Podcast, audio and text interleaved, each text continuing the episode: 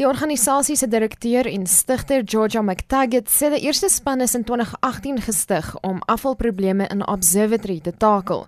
Die inisiatief het intussen so gegroei dat hulle die afgelope jaar sowat 80 ton rommel uit die Swartrivier alleen verwyder het.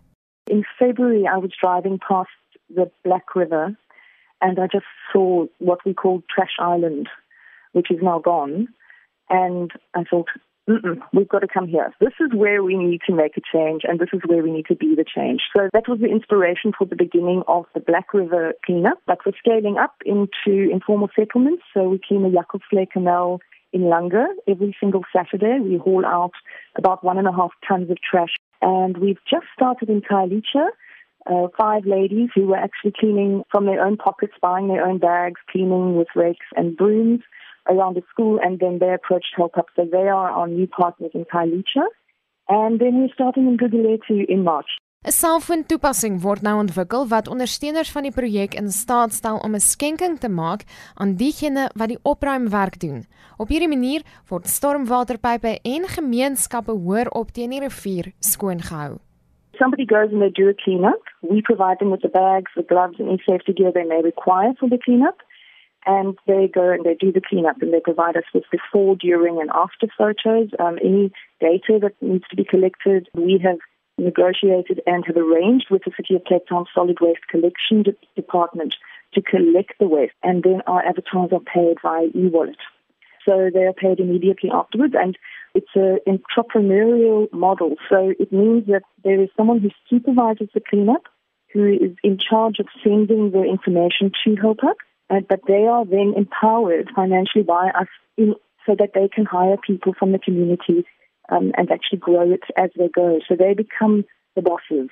Die afval wat uit die riviere gehaal word kan egter nie herwin word nie omdat dit menslike afval bevat. The treated sewage comes down the Black River and flows to the Atlantic Ocean um, at the Falk River mouth in Cotton Island. So we are picking plastic out of very sticky human waste. And so it can't be recycled.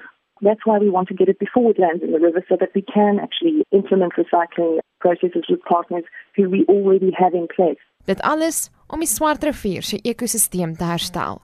It's a beautiful space. There are lots of birds, obviously the flamingos, but we also have um, the most amazing wildlife little stories that, that emerge while we waist deep in, in muddy, poopy water. Die riool is egter nie die hele rivier vol nie en hulle spandeer nie langer as 3 ure in die water nie. Sy sê ons boonop veilige kolle waar hulle kan werk. We have a boom that uh, the city's installed that's right across the river and there's a corner where the boom is not directly across the river it's like an angle about 35 degree angle and the and the sewage collects in that corner. So that area there we go in and we work very quickly to remove plastic and the hyacinths We use rakes to pull everything back, and then the water starts to flow, and then the sewage starts to flow away. But obviously, we need to ensure that there's no plastic with that sewage. We have to get that out before the river takes the sewage out to the sea. Dit was die stigter en direkteur van die Help Up beweging, Georgia McTaggart. Volgens haar het hulle die plaaslike regering se volle ondersteuning. Ek's Marlene Verschiefer, SAK nuus.